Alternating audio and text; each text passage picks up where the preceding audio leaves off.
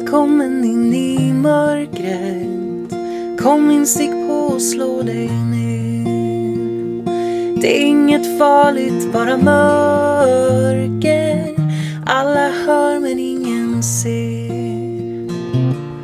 Välkommen in i mörkret. Kom in, stick på och slå dig ner. Det är inget farligt, bara mörker. Alla hör men ingen ser. Hej och välkomna till Mörkret. Sveriges bästa podcast för hjärnsneda. Med mig Johan och dig Angelica. Angelica, jag tänkte att eh, vi måste nästan börja det här avsnittet med att eh, eh, prata om elefanten i rummet. Det vill säga att du inte är elefanten i rummet längre. nu är mitt barn elefanten i rummet. Ja, barnet är utanför dig Mm. nu istället för inuti dig. Tack och lov. Ja. Mille, som han heter, är en månad nu. Han ligger här i barnvagnen bredvid när vi spelar in. Mm. Eh, hoppas att han sköter sig så att det här går att göra. Ja, nej men jag har fött barn ja. Och jag, jag trodde att jag aldrig skulle göra det. Jag har ju tänkt så här att ja, men folk som bara ja, klagar på du vet, sista veckorna i graviditeten. Man bara, men Mm. du, ett, du är gravid för att du vill ha barn. Två, det är jobbigt. Ja. Mm. Men hur, hur jobbigt kan det vara? Alltså för att jag har ändå haft en graviditet där jag liksom, ja sista dagen innan förlossningen gick jag till posten och, ja Mm. men du vet så här, eller till, till, ja, till Ica och hade Mm. liksom, ja men jag var så rörlig och tränade mycket så här i slutet och så. Men eh, ja, så var det ju inte nu. Alltså jag var ju så svullen och sur och bara, jag vill bara att det ska gå över. Eh, jag vill bara att det ska vara över. Och Till slut så fick de ju sätta igång förlossningen. För att jag åkte ju till förlossningen Ja. och hade verkar men inte så här, de var ju typ så här, men du kan ju åka hem och jag bara, nej. I sådana fall sätter jag mig utanför och gråter. Alltså jag skojar inte ens. Det står i min journal, patienten vägrar åka hem. Ehm, så att, eh, ja, och så det kom liksom den dagen, jag bara, nu räcker det. Får man göra så? Jaha, Okej. tydligen så får Ja. man det. Och de var så här, men vi har inte plats, för de kan bara ha ett visst antal igångsättningar samtidigt. Mm. För att, eh, ja, de vill kunna vara ett bra stöd liksom. Ja. Det kan ju göra väldigt ont att bli igångsatt och så. Mm. Eh, men jag bara, ja, fast då får ni skicka mig till något annat sjukhus, för jag kommer inte åka härifrån. Mm. Då får ni liksom ordna det. Mm. Eh, men jag fick stanna. Ja. Och det gick bra? Ja, ska jag berätta? Ska jag berätta om förlossningen? Du kommer ju göra det vare sig jag vill eller inte. men eh, du, för det första, varför kom du inte? Du var ju bjuden. Ja. varför vill du inte vara min doula? Jag visste inte ens... Eh, jag visste ju typ i efterhand när du födde. Nej. Nej, jag visste inte när du åkte in. Jaha. Nej. Jag försökte... Jag, jag hade inte kommit ändå för att jag, det har inte jag. Det är också så sådär corona, att typ det är knappt ens partnern får vara med. Ja. Jag tror inte att så här, ens poddkollega får vara med inne på sjukhuset. Nej, och grejen är att jag ville ju ha med, alltså första gången jag födde barn, då var det ju min pojkvän och sen eh, min kompis Agnes som fotade. Jätteduktig fotograf, Agnes Stuber heter hon. Och då ville jag att, för göra den här förlossningen så också, men Mm. nu är reglerna att partnern får följa med och en doula. Ja. Eh, och då var jag så här, kanske kan du låtsas Agnes att du är en doula, men de kommer ju fatta jättesnabbt när de försöker när, liksom... när hon tar fram kameran lär de ju fatta. Ja, Och, och... är helt okoncentrerad på... på mig, På bara dig. bilderna. Så världens sämsta doula. Mm. Men också att hon ska ju vara liksom länken mellan mig och kanske barnmorskorna och hjälpa Mm. till i liksom födandet. Ja, nej det, så det gick ju inte, men du hade ju inte heller kunnat vara min doula då. Nej men det började med eh, att jag fick verkar och sen eh, så när vi kom in och jag vägrade åka hem, då tog de till slut eh, hål på hinnorna som man säger. Mm. Då blir det väldigt varmt och så känns det som att man... Eh, ja, lilla. Låter det som att eh, det känns som att man kissar på sig Mm. för det blir varmt och börjar forsa massa vatten såklart. Och sen efter det så kan det tydligen gå väldigt snabbt. Och det här är tydligen någonting som de flesta kvinnor vet, också barnmorskor då obviously. Men jag fattade ju inte det. Så jag fick ju jätteont Mm. för att det öppnade sig livmoder tappen öppnar sig väldigt snabbt Johan. Okej. Och det gör väldigt ont. Mm. Och den öppnar sig alltså till, upp till 10 centimeter. Det är ju ganska mycket. Vad är Ja. 10 centimeter? Det man brukar jämföra med typ en stor bagel. Alltså det är... varför brukar man jämföra med just en stor bagel? Jag vet inte, men det är väldigt stort. Ehm, och jag var så här, ja men oj vad ont verkarna gör den här gången. För sist jag födde, då hade jag så mycket bedövning så att jag kände typ ingenting. Mm. Så jag, man kan säga att jag inte ens visste eh, hur det känns att föda barn. Mhm. Så jag hade ju sagt innan så här på mina sociala medier bara, jag kommer inte skrika, alltså jag är så kaxig också. Varför skriker folk de föder barn? Så jävla oskön person. Mm. Nej men och så tänkte jag så det ska jag inte göra, det gjorde jag ju. Mm. Eh, och verkligen, jag klarar inte det här. Eh, men det var... Eh, det är också så här, de flesta kvinnor har så himla ont också under själva... Alltså så här, eh, sista fasen, att man kan inte äta, man är helt utmattad. Jag satt ju och åt. nu, för mellan verkarna så försökte jag äta och sen helt plötsligt jag bara, nu kommer barnet. Då känns det, man, det känns som att man ska bajsa på sig Mm. eh, när barnet kommer. Mm. Eh, för att det är huvudet som trycker ner mot typ tarmarna tror jag. Mm. Eller ändtarmen. Så då jag bara, nu, nu trycker det här. Ja, och sen så kom man ut ganska snabbt efter det. Så det tog liksom bara några timmar. Eh, Men när de bara, nu är det dags att börja krysta. Jag var ju så här i chock. Jag bara, visste du det här till, till pappan då, en pojkvän som Peter? Jag bara, visste du det här att, att det var dags nu? Jag kände mig så här lurad. Och han bara, ja, alltså de sa ju det, men jag hade ju så ont så jag hörde ju inte vad någon sa. Mm. Ehm, ja, så jag fick epidural och sådär, men så ryggmärgsbedövning, men nej, jag vet inte. Men det är alltså en av de sakerna jag hade sett mest fram emot med förlossningen var ju alltså knarket. Mm. Och det var alltså, det var ju också så här att det gick så snabbt. Alltså det tog kanske, jag kom in, de tog hinnorna och sen tog det kanske fyra timmar och sånt där. Sen Mm. var det över liksom. Ja. Första barnet var det ju så här, ja, tre dygn typ. Alltså Ja. inte inne på förlossningen, men hemma och på förlossningen. Ja. Så att det här gick jättefort. Så du hann inte få så mycket Nej. göttknark? Nej, alltså det var ju bara typ tre, fyra timmar lust- lustgas. Mm. Jag hade ju liksom precis börjat. ja, ja eh, men eh, jag är glad att det gick fort för jag var inte så himla trött efter och så. Ja. Ja, vill du veta om det sprack eller? Nej. Det sprack. Förstår du Johan också, det är så här, vet du, vet du hur badass det är? Nu, alltså, det är så himla lätt att, jag tycker det är så himla lätt att så här bara, åh, kvinnor är så himla starka, de föder barn. Det är ju för det Mm. första så här, vill man ha barn så, om man är kvinna så får man ju typ föda det om man inte vill adoptera. Alltså så här, Ja. ja, det är väldigt coolt och det är väldigt coolt vad kvinnokroppen kan göra. Mm. Men det är ännu coolare att man bara, ja jag sprack. Eh, då har man ju liksom spruckit kanske, alltså i flera lager in i en muskel Mm. i underlivet och ändå bara så här, ja jag klev upp sen och ja, ammade mitt barn, vi åkte hem, jag diskade. Alltså Mm. det är ändå ganska coolt. Det är ganska sjukt, ja. Alltså allt man gör trots det. Mm. Nej men och sen nu har det ju gått en månad. Ja. Jag mår bra och han mår bra. Mm. Men han vägde nästan fyra kilo och det är tydligen tungt. Mhm. Jag, jag känner att jag kan inte bidra så mycket till det här samtalet för att jag är så...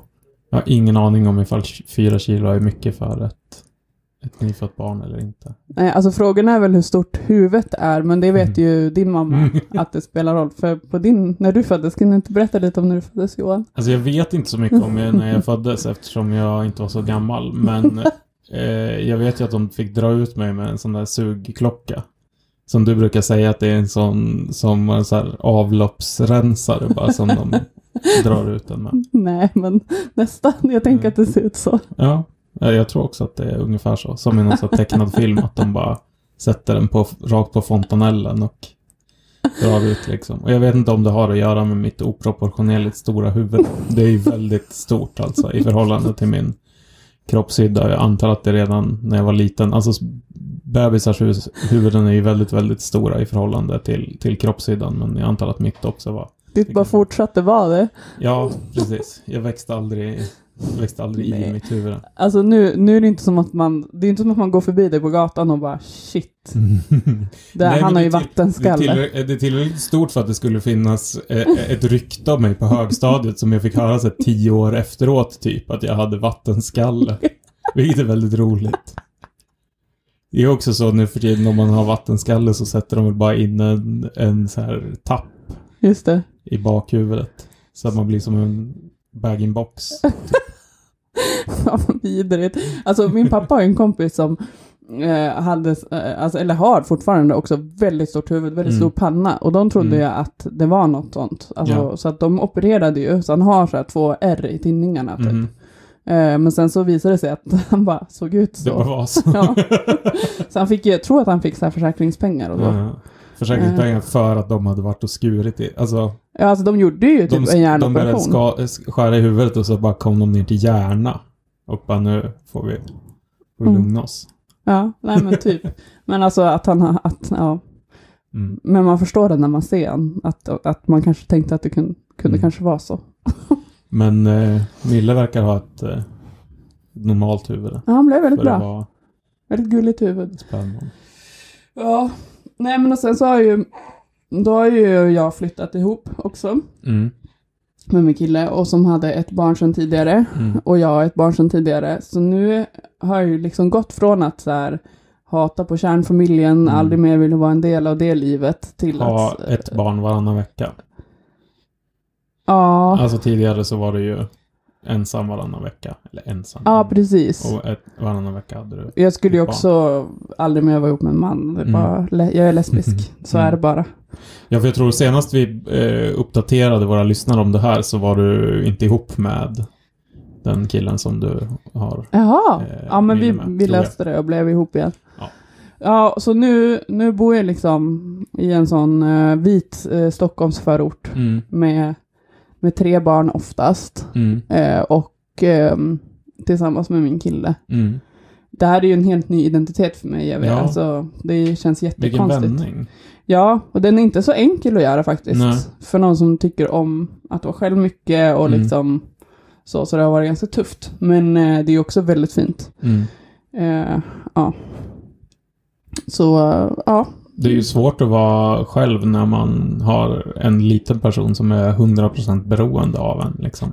Ja, Mm. men jag har ju ändå vant mig vid det livet varannan vecka. Mm. Och liksom, Ja, Ja. jo, precis. Ja, du Det har ju haft så förr. Men, det har ju sina fördelar. men hela det här med att leva kärnfamiljslivet. Liksom. Ja, men det är också när man så här, rent ideologiskt har ratat det så Mm. jäkla hårt. Också så här äh, offentligt och bara det är fel, typ. Mm. Mm. Nästan. Att sen bara, ja men eh, jag bor jag bor i Svedmyra med tre barn Mm. och min kille. Ja. Det är Du- jättekonstigt. Känner du att du, ibland har vi pratat om att du har så här, för du valde skola mellan Stockholm och Borås. Eller utbildning. Nej, det var, nej, ja, Jo. typ, ja. Och vi har ju pratat om att det där är liksom ditt så sliding doors moment liksom. Där förgrenar sig två tidslinjer med två olika Angelica liksom. Stockholms Angelica och Borås Angelica. Och då brukar jag ju prata om den per personen jag tror att du hade blivit om du liksom hade bott i Borås. Att du hade varit så här trebarnsmorsa som, som typ rökt under fläkten i Ja. Borås. Och festade på. Fast det, Mm. om jag hade klarat det. Men, Ja. och sen så på Instagram eh, i så här bion så Mm. står det så här eh, datum så här. Ja, 2015, 2015, Liam, ja, Matteo ja. och Saga. Mm. Men nu är du ju, känner du att, du, att liksom de här två livslinjerna, Lägg av. att de håller på att vävas ihop? Eller känner du att du fortfarande är liksom Stockholms Angelica? Jag känner Stockholms Jag känner mig mer som en umbo. Men, Ja, nej, men alltså jag försöker eh, jag, genom att göra podden och Ja, sen just så får jag en sån här livskris. Nu, jag bara, jag måste starta ett företag, jag måste göra det här och det här. och så här var det sist jag blev förälder också. Och då brände jag ju ut mig. Ja, Ehm, för då gjorde jag massa andra grejer. Ehm, så att jag får ju så, jag är inte bara en mamma. mm, just det. Ehm, för att det är Det min mardröm, typ. Ja, Att bara vara, alltså jo, att men tappa det är ju sig många själv. som får, får den identiteten, märker man. Mm. Av ens gamla, alltså så här, gamla klasskompisar och så som man kanske har på Facebook. Och, och jag vet att så här, Facebook visar ju 5% av vem man är som människa, om ens det liksom. Men Mm. många där visar ju upp sin identitet som att vara, särskilt mamma tror jag. Vissa kanske farsa, Mm. men... eh, Men det är också så här, äh, det är, det är så förknippat med så här. Man bråkar om så här, vem som ska lägga barnen eller typ så här, varför köpte du det här dyra kaffet? Mm, Eh, och sen är så här, den enda ventilen är liksom så här fredagsvinet. mm, Eh, och så här kväll med tjejerna. Mm. Eh, och jag bara, alltså, jag vill inte ens snudda vid det livet. Nu lever jag inte ens det livet. Det är ju klaustrofobiskt. Ja, jag får klaustrofobi, men de kanske har fattat något som inte jag har fattat. Ja, ja, det där. Jag tror jag har snackat om det här i podden förr, liksom. Att jag kan... Särskilt så här gamla klasskamrater som aldrig flyttade från våran hemkommun och så. Att jag kan bli så här, få nästan klaustrofobi över deras liv, liksom. Att de, ja, men de har jobbat på samma arbetsplats. Eh, De kanske, vissa av dem är ju liksom redan inne på så här, den första skilsmässan. Alltså de har bildat en familj och fått barn och sen nu har de liksom bildat nästa så här radhus Mm. familj liksom. Eh, men då försöker jag komma ihåg att så här, ja, men de vill ju ha det så. Alltså de kanske finner en sorts lycka, eller inte kanske, jag tror att många genuint blir lyckliga i det liksom. Och för dem, de kanske tittar på mitt liv och tycker så här, ja men en snart 35-åring som liksom inte har barn, inga planer på barn. Vad gör han ens? Liksom bor i ett kollektiv. eh, tjänar, ja, ganska, inte så här jättemycket pengar liksom. Mm. Eh, Frivilligt bor så här, ja men nu bor ju du stort i hus för att Ja. du bor i kollektiv, men Ja. jag tänker också typ så här, vi bor, alltså om jag kollar ner på någon som, som blir kvar i hemstaden, men jag, Mm. vi bor liksom fem pers i en tvåa ja, och bråkar för att så här, kan du sluta tugga så högt? ja, Alltså, ja, så lever ju inte de. Nej. Nej. Ja. Men eh, berätta om dig, du har ju flyttat. Ja, jag har flyttat under sommaren. Det blev så. Eh, våran... Eh, vi, vi har ju i, ja det är fem år, mer än fem år som vi har hyrt ett hus i Uppsala.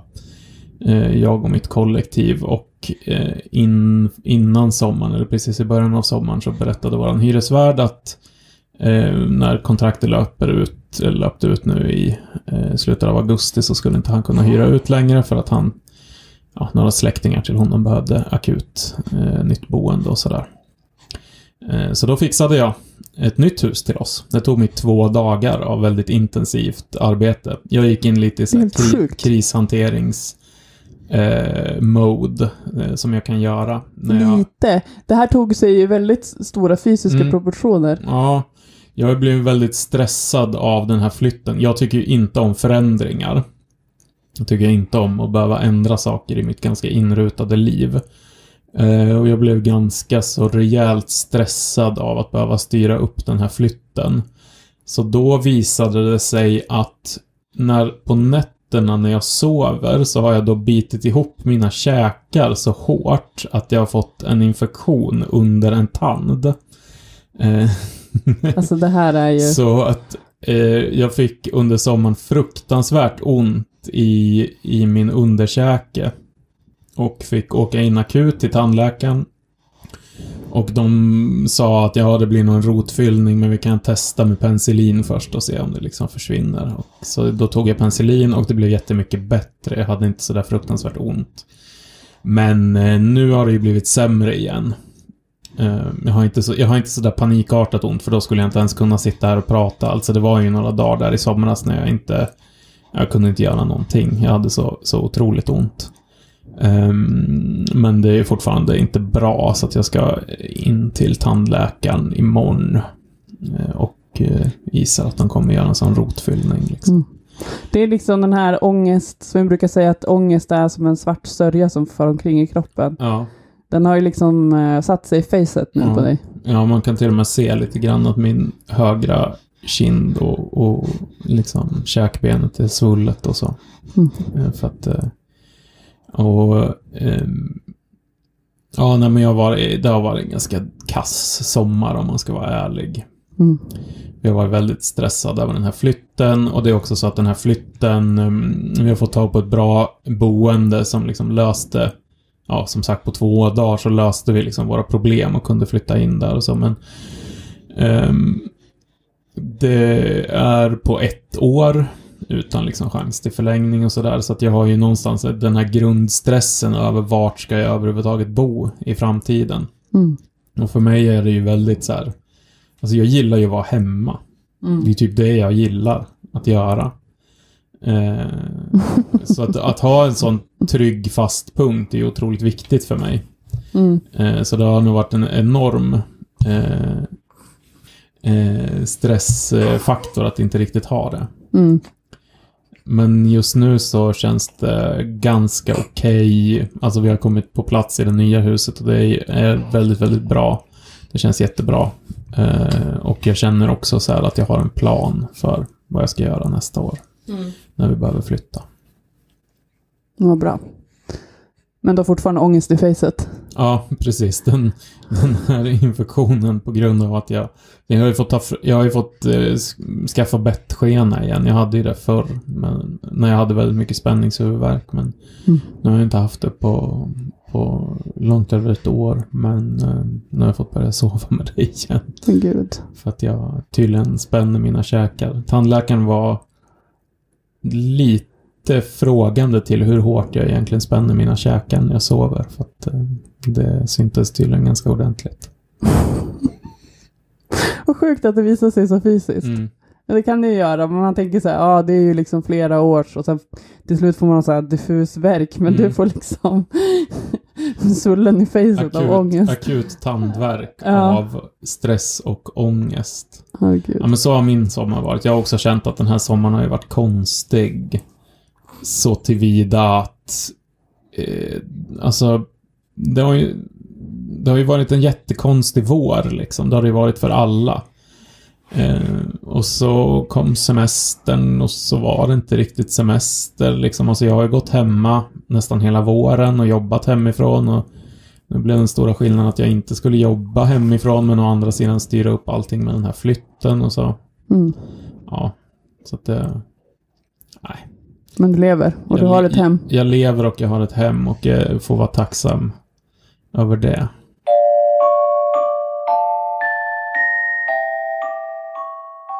Blir inte du stressad att bo i kollektiv att det är massa folk hemma hos dig, du som är introvert och... Nej, jag tycker att det funkar ganska bra på det sätt som vi, vi har det liksom. Alltså det finns ju en, en skala i alla kollektiv från de där man umgås extremt mycket och, och liksom eh, lagar mat och äter mat tillsammans och så, till som vi har det där vi i princip har liksom var, varsitt rum, rum och delar på de allmänna utrymmen och så, men Jag önskar att det var, var så i familjer. Vara, vill man vara ensam så kan man verkligen vara ensam. Ja. Jag önskar att det var så i familjer, att man Mm. kunde ha en skala där också. Just det. Utifrån. Nu låter det som att jag lever i värsta misären, det gör jag Mm. ju absolut inte. Jag har en jättefin familj och Mhm. jätteglad att få barn, herregud. Men ehm, det är ju påfrestande. Alltså särskilt om man har eh, ADHD som jag har. Ja. Alltså för att fem personer i en lägenhet, det är väldigt mycket ljud. Mm. Och man blir ju väldigt oskön om man hela tiden blir utsatt för sitt värsta, typ Jag höga förstår. ljud. Ja. Du har ju berättat att du har eh, eh, fått en ganska eh, stor personlighetsförändring sedan du fick barn. Att du har blivit introvert. Ja, jag har ju blivit introvert. Mm. Nej, alltså jag har ju varit 100% extrovert hela Ja. mitt liv. Och sen så, när jag kom hem från förlossningen, då var det som att något hade gått sönder i hjärnan. Mm. Förlåt, men alltså. eh, och eh, det blir väl så när man blir trött liksom. Ja. Eh, men jag alltså, har seriöst inte velat gå hemifrån. Mm. Och så, så här var det inte sist jag fick barn. Eh, och när jag gick, jag har gått, det var ju en gång vi skulle podda och då Ja. hade jag ju varit ute och bara, det, alltså det är fruktansvärt. Alltså folk pratar med en. Alltså, du brukar ju säga att det verkar vara fruktansvärt att vara tjej för att Ja. alla pratar med en verkligen. Mm. Eh, och förväntar sig att man ska svara och vara trevlig. Ja. Alltså typ i lokaltrafiken och så. Och så är det ju. Men när man har barn, då är det ännu värre. Mm. Det är så här, barn eller hund. Alltså, Mm. Och typ så här, folk kommer fram så här. Ja, alltså jag vet att folk bara vill knyta an, jag vet att folk behöver vara trevliga, Mm. men jag vill inte vara trevlig. Nej. Jag vill vara i fred, jag vill Ja. kunna åka utan att säga hur gammal han är, hur mycket han vägde när han föddes och Mm. vart jag har fött honom och hur jag mår Ja. till en främling. För att Ja. varför måste jag göra det? Mm. Kan inte jag bara, jag vet att du är trevlig, jag vet att jag är trevlig. Vi, Nicka vi typ. behöver inte ha någon kontakt. Nej, varför? Ja, Äntligen har du förstått min... eh, min inställning till mänskligheten. Ja, men jag förstår ju också varför. varför alltså för att jag var ju tillsammans med eh, förut mitt ex som jag har mitt första barn med. Han, han var ju också så här väldigt introvert Mm. eh, på, på ett sätt. Och eh, jag kunde ju så här prata med folk i tunnelbanan och tycka så här. Började prata med någon och bara, det här var ett väldigt givande samtal, gud vilken Mm. härlig person. Och han satt ju alltid bredvid och led liksom. Mm. Och bara, alltså jag vill bara gå härifrån typ. Ja. Varför, måste vi all, varför måste du alltid göra så här när vi går ut? Eh, och nu förstår jag ju eh, jag förstår ju att, jag förstår hur han kände. Ja. Och jag förstår hur alla introverter känner. För att, jag, alltså jag, alltså jag vill bara vara i fred. Mm. Så är det så mycket begärt. och jag, sen när folk pratar med mig, jag blir så nervös och bara, vad ska jag svara? Och Det känns som att så, här, så fort någon tilltalar mig, då känns det som att jag har ett krav på mig att prestera någonting. Mhm. Och så, alltså, så- har jag aldrig ens reflekterat. Det har ju bara varit så här Mm. givande och bara kommit ord i min mun innan. Men det är inte så längre och det är så himla konstigt. Är det så här Ja. du känner jämt som är introvert? Ja. Men alltså det, det är ju det är jobbigt att leva. Ja. Ja, det, var, det är temat för den här podden. Det är jobbigt att leva. ja men, Men det måste vara ännu... Alltså jag får ju ändå...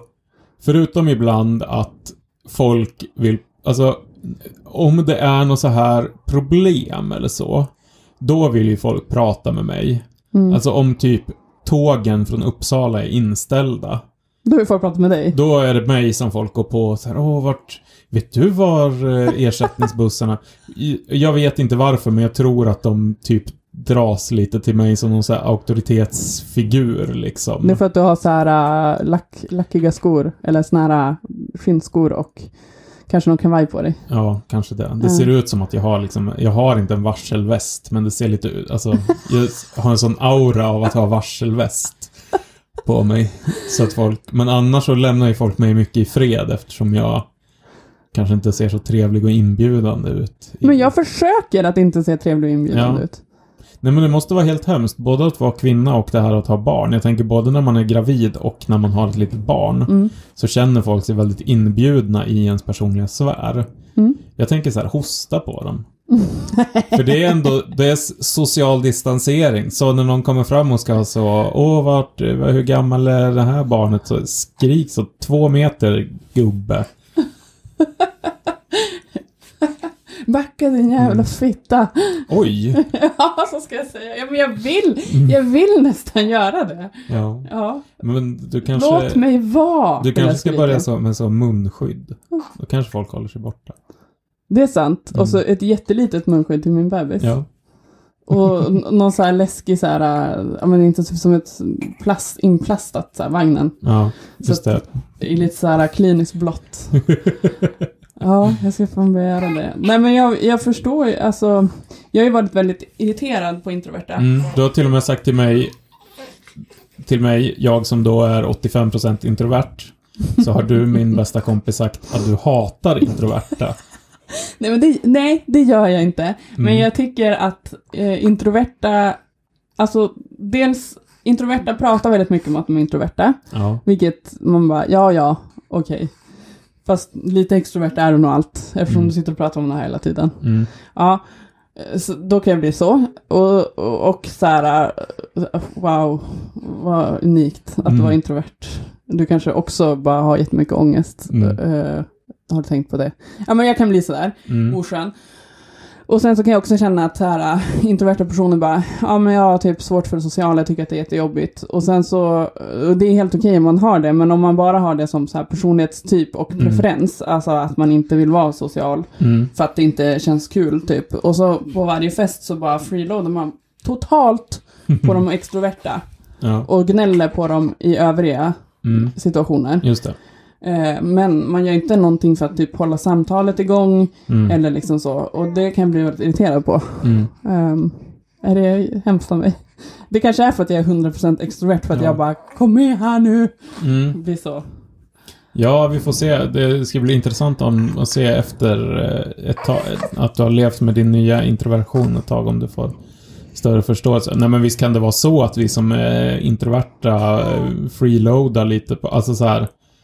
Eh, det finns någon sån meme som är så här hur, hur introverta får kompisar. Så här, någon extrovert bestämmer sig för att de gillar en Mm. och börjar ta med en överallt. Ja. Och så är det ju lite. Jag kan ju känna så här att jag utan mina mer extroverta kompisar så skulle jag ju typ inte träffa folk överhuvudtaget.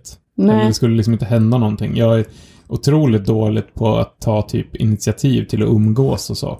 Om det inte är väldigt klart uppställda ramar liksom. Alltså så här, ja men vi ska spela rollspel. Mm. Eller vi ska ha en studiecirkel och sånt. Eller ska ha en studiecirkel som sätt att umgås. Då vet man vad som kommer hända. Man kan ha en dag. Det bästa sättet att umgås är ju att ha ett möte i någon förening. Så att det finns här en dagordning. Då vet man också när det kommer att vara slut och när man får gå hem liksom. Det är, behöver inte, det är inte taskigt att bara, nu går jag. Nej, man behöver inte Man så känna efter. Man bara vet att,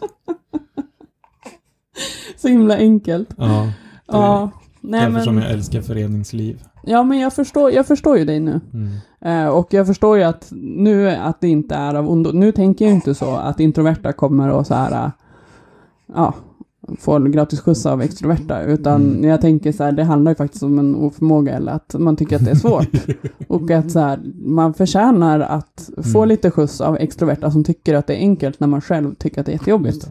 Men det är ju också väldigt oskönt av mig att inte förstå det förrän jag själv blev introvert. nu, kan jag, nu kan jag acceptera er som ni är. Just det. Ja, alltså jag vet inte ens om det är en oförmåga från min sida. Vi pratade ju om det någon gång här på jobbet när jag sa att jag är bra på att låtsas att jag är socialt kompetent. Du Och är ju det. Och någon, någon annan sa att det, det är det som är att vara socialt kompetent liksom. Det finns, det finns ingen skillnad mellan att låtsas vara socialt kompetent och att faktiskt vara socialt kompetent. Nej, det är sant. Den stora skillnaden för mig är väl att för mig är det en stor ansträngning Mm. att vara social mot eh, människor som är liksom inte eh, som inte är i min absolut närmaste krets. Mm. Skill- Skillnaden är väl att för mig så tar det ganska mycket energi att vara Mm. social liksom. Medan för vissa så verkar det inte ens ta energi eller kanske till och med ge energi att vara eh, social. Så som jag var Mm. förut. Ja, Mm. precis. Att du så här, fick ut... Älskade att gå på konferens. Och, och i, var i så här vaga sociala situationer där det inte är självklart hur Mm. man ska bete sig. Där det inte finns en dagordning. Nej, och kunde vara väldigt bra på det de Mm. gånger jag inte drog det för långt och började skämta om så opassande saker. Men Ja. alltså ändå så här, det, jag kan tänka mig att jag är en ganska skön person att ha med i ett sånt Mm. sammanhang. Mm. Men ja, och det är i alla fall att det inte tar energi från mig. Mm. Jag blir glad. Ja. Nu skulle det aldrig gå. Nej. Alltså vi träffade ju våra kollegor nu innan, så var vi Ja. åt innan vi började spela in. Mm. Och de Vä- var- Väldigt kort stund. Ja, det jag tyckte att det var jättejobbigt. Mm. För jag, jag tycker jättemycket om dem. Jag har aldrig tyckt att det är så, så alltså, tankemässigt påfrestande att prata med dem. Mm. Och de var typ så här, hej grattis till bebisen, vad kul. Och jag Mm. bara, jag vet inte vad jag ska säga. alltså det är så konstigt. Jag tycker det är otroligt spännande utveckling. Jag undrar om du kommer gå tillbaks eller om det kommer vara så här. Jag vet inte, jag undrar om det har gått sönder något i min hjärna. Ja. När jag krystade liksom, att det liksom någonting. Krystade så hårt så att det så Ja, pannloben sprack. ja, och då var den ändå väldigt sprucken innan. Mm. Nej men alltså, jag undrar också så här, äh, mitt jobb bygger ju på att jag är extrovert. Ja. Eh, jag kan inte sitta och intervjua folk och bara, jag vet inte vad jag ska säga. Nej. Ja, vi får se vart det här landar. Mm. Det kanske slutar med att jag jobbar i ett arkiv någonstans. Ja, Ja. ja, precis. Det är ju intressant. Vi, vi har ju konstaterat att under tiden som vi har gjort den här podden så har ju vi normaliserat varandra något. Alltså jag har ju blivit lite mindre, för vi har ju gjort det här eh, Myers-Briggs-testet som är pseudovetenskapligt, det, det kan man väl säga rakt av. Men liksom, det är ju intressant att vi har gjort det flera gånger över tid och att jag har blivit mindre. Vi har, vi har båda rört oss in mot mitten. Du har blivit lite mindre extrem i din extroversion och jag har blivit lite mindre Mm. eh, extrem i min introversion. Det är fint. Så frågan är vart, vart vi kommer landa. Liksom.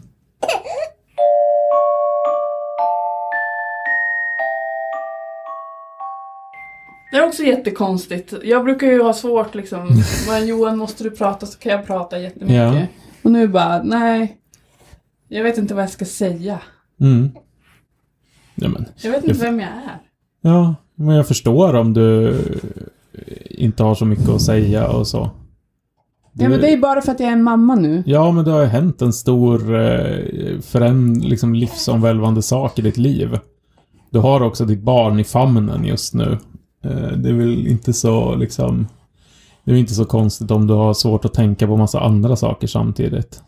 Jag tror att du är inne i den här, det här modet just nu som du var förra gången du fick barn när du tänker att du måste typ starta massa företag och hålla massa föreläsningar och starta föräldragrupper. Alltså, Ja, jag måste det. Ja, men är inte det bara en risk? Är inte det bara en, en rädsla för att eh, fastna i en så här identitet som mamma? Men vet du vad halvtidsmammor gör?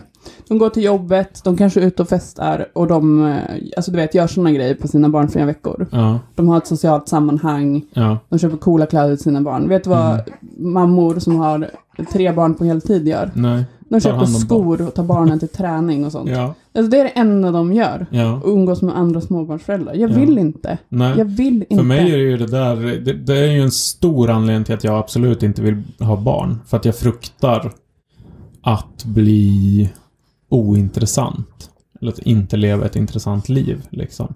Ja, alltså, ba, alltså livet... När man liksom inte har barn, då är ju livet, alltså visserligen mycket disk och tvätt, men det är ju ändå inte liksom, det är inte det som är livet. Nej. Men med tre barn, då är det ju det som är livet. Ja, Och typ göra sånt här, det är ju ett litet undantag. ja. Men jag, har ju- jag, jag har gjort det här mot mig själv. Ja, du vill ju också ha barn. Men det finns olika sorters mammor, men jag är Ja. bara rädd för att bli en Boråsmamma, okej? Ja, Och det blev inte bättre av att jag tog en bild under graviditeten på mig och barnen där jag såg exakt ut som en Boråsmamma också. Och du gottade åt det jättemycket. Jag har haft jättemycket ångest sedan dess. Jag liksom... Men Ja. man tappar dels tappar man sin personlighet, Mm. dels tappar man sin kropp som den brukar se ut, Mm. sitt face, sitt hår, sitt Mm. tålamod. Man tappar liksom allt. ja. Gud vad folk inte vill bli föräldrar. Alltså jag vet, jag har flera kompisar som ville ha barn tills jag fick mitt första barn. ja. Och då är jag ändå liksom jättelycklig med mitt barn, Ja, men för jag. mig har det verkligen cementerat, alltså att väldigt många av mina vänner har fått barn, har cementerat för mig det faktum att jag absolut inte vill ha barn. För att du ser det som... Nej, det beror nog inte på att jag... eh, Alltså jag gillar deras barn, eller jag tycker väldigt mycket om deras barn. Men jag, ja, jag ser också att det liv man kanske måste leva då är inte det liv som jag vill leva. Och att jag tror inte att typ att ha barn skulle uppfylla så mycket för mig att det är värt att byta bort Nej. eh, den liksom frihet som jag vill ha. Sen kan man ju fråga vad använder jag den friheten till? Ja, den friheten använder jag till att scrolla på internet, köpa böcker som jag aldrig läser eh, och äta pizza och spela rollspel med mina tre kompisar. Men du kanske blir lycklig av det. Ja, jag tror faktiskt jag blir lycklig av det. Ja. Men alltså jag tror verkligen att för många människor så kan man bli... Alltså jag tror... Det, att, att känna väldigt många som har barn har nog dels gjort att jag själv känner att nej, det här är inte för mig. Men det har nog också gjort att jag inte har den där nästan... Alltså lite tonårsaktiga, nä, nästan äckelkänslan inför familjelivet liksom. Mm. Eh, att det är typ döden. Mm. Eh, Men sen finns det ju också, jag vet att det finns personer i din närhet som Alltså, typ har ett stort konto på Instagram som har massa barn. mm. Alltså så här, äh, som verkligen, livet är inte bara barn. Nej. Alltså man gör massa annat. Nej, precis. Och jag menar, det finns jättemånga familjer där barnen liksom är, alltså man är typ som en enhet bland, Mm. med massa roliga personer. Och alla har ändå färgstarka personligheter och Ja. har sina jobb och jag, jag tror att eh, det är ju inte... det är småbarnslivet kanske. Ja, Mm. Det är väl det. Och eh, jag tror att min, min, min så här, lite tonårsaktiga syn att så här, ja, men om man får barn då är livet över. Det Mm. stämmer ju liksom inte. Det stämmer i alla fall inte idag. Nej, Jag tror... men ett tag stämmer det ju. Alltså Ja. lite grann. Ja, men det är ju snarare man får sätta livet på paus ett Mm. tag. Men det är ju typ Fast- ett, år, fast ett år sedan kommer förskolan. Ja. Och, och jag säger så här, sätta livet på paus, men för dig är väl ditt liv just nu att ha ditt barn. Det är bara jag som ser det som att så här, ja det är en jävla tråkig raksträcka liksom i väntan på att något intressant ska hända. Nej, så är det ju Mm. verkligen inte. Nej. Nej. Det måste ju hända jättemycket hela tiden när man har ett barn som växer liksom och som I- utvecklas hela tiden. Ja, och jag som många andra föräldrar känner väl att barn också är ganska stor mening med livet. Ja. Alltså, i och med att bara se en annan människa växa. Ja. Alltså, även om, alltså bara den grejen. Mm. Ja, men jag förstår att måste, man måste kämpa lite mer när man har barn och lever hela kärnfamiljslivet och så för att ha det lite intressant liksom. Mm. Ibland, ibland önskar jag att, att du ofrivilligt skulle råka få ett barn. jag vet att det är jättehemskt för att du det skulle, skulle verkligen... vara min. Ja, jag vet. Men... Men... Jag skulle ju ta hand om det här barnet. Det är ju aldrig inget snack om den saken. Men... Nej, jag vet. Men då skulle du få barn och så skulle jag kunna säga så här, visst är det hemskt? Mm. Då skulle du bara, ja. Det säger du nu också i och för sig. Mm. Men, men och sen så skulle liksom vi kunna ses med barnen. Just det. vi, kan se, vi kan ses ändå utan att jag har ett barn. Jag kan, jag kan leka med dina barn, det har jag. Jo, jag vet, men ibland känns det som att så här, alltså, jag, har- alltså de flesta av mina närmsta vänner har inte barn Mm. och vill typ inte ha det. Ja. Eh, och tycker att så här, jag är någon slags konstigt folk. Mm. Eh, så ibland önskar jag att någon bara kunde få det lite oavsiktligt. Just det. Eh, så come join me. Mm. Så. Det är jättehemskt att önska det. Eh, jag förstår ju varför folk inte vill ha barn. Mm. Ja, men mitt barn är i alla fall extremt gulligt. Jag var glad att det gick att podda. Med, Ja. med Jag tycker lilla- faktiskt Milla har skött sig bra ja, under poddandet. Han har inte gjort så mycket ljud och så. Nej. Jag har ju så, blir så enormt irriterad när andra människor har barnljud i sina poddar. Men det tror jag är en sån kvarleva från den så tonårspersonligheten. Så, åh. Åh. Ja. Alltså jag blir jag, jag får ju hindra mig. Jag har kanske snackat om det här i podden förr och så, men när jag var så här. Ja men förra sommaren så var jag på Skansen och så ser man, och så är det så här typ barnens dag och så ser man så här familjer som kommer med så tre små barn och så tänker jag så här. Ja. Ja, de förstört sina liv. För 18 år framåt så har de förstört sina liv totalt. Och så får jag tänka så här, nej men de, de vill ju ha barn. Ja. Det här är ju det som ger deras liv mening och glädje och, och ljus och sånt. Mm. Vad får jag min mening och glädje och ljus? Ja, pizza, pizza och rollspel. Pizza och rollspel. Och det där känslan när man eh, liksom drar upp eh, en, en eh, bokkartong från eh, Bokus. Liksom, eller Adlibris. Vi är inte sponsrade av något. Om någon vill skicka böcker till mig. En gång så har en person skickat en bok till oss på grund av den här podden. Och jag har också blivit en person som börjar få så här recensionsexemplar av böcker från förlag. Det är jag eh, väldigt eh, glad över. För att du skriver för Ja. tidning. Ja. Ja. Eh, som folk vill ge oss eh, gratis böcker. Nej, Jo, vi, jo, nej, vi det blir en avslutar sån med det. konstig reklam. Ja, okej. nej, gör reklam med vår podd, snälla. Man kan ju göra reklam för många olika saker. Typ, typ så här vårtmedel och... Alltså, jag tycker att folk kan göra reklam med podden, Johan. Ja, men då, ja, då kommer jag gå igenom om jag tycker att det här är bra grejer eller, inte. Och då kommer det sluta med att det blir så här Kjell Company som får göra reklam och inga andra typ. Ja, det är sant. Men, eh, ja, gör, gör reklam med podden och skicka böcker till oss. Mm. Vi kanske vi pratar om dem. Skicka böckerna till Johan. Ja. Ja, nej men kul att vara tillbaka och podda Ja. med dig. Jag har saknat det jättemycket. Ja, jag också. Jag hoppas att vi kan eh, lösa det här med poddandet. Det, det är ju lite logistiskt eh, svårare just nu som sagt eftersom vi vanligtvis sitter på samma arbetsplats och så. Men nu är du föräldraledig och har tre barn att ta hand om. Men gud, sluta. ja, men nu, men, Men, nu eh, känner jag känner att, jag känner att det börjar ljusna för podden. ja, Det kommer, det kommer komma fler avsnitt Ja. efter det här. det kommer det helt klart göra. Vi är inte på väg att lägga ner. Nej, snarare trappa upp. Ja. Ja, men eh, det var jätteroligt att eh, vi faktiskt eh, det här blev av. Vi har ju försökt planera in det här tillfället flera gånger och ja, det har hänt saker. Som att du fick barn till exempel. Mm, och att jag inte ville gå ut och att folk pratade Ja. med mig. Men eh, vad är det vi brukar säga? Eh, man kan följa oss på sociala På medier. sociala medier så finns vi på Instagram, Mörkret Podcast. Det finns en Facebook-sida som heter Mörkret Podcast. Jag finns på Twitter som eh, ordförande Johan och du finns på Instagram som Angelica Ogland. Mm.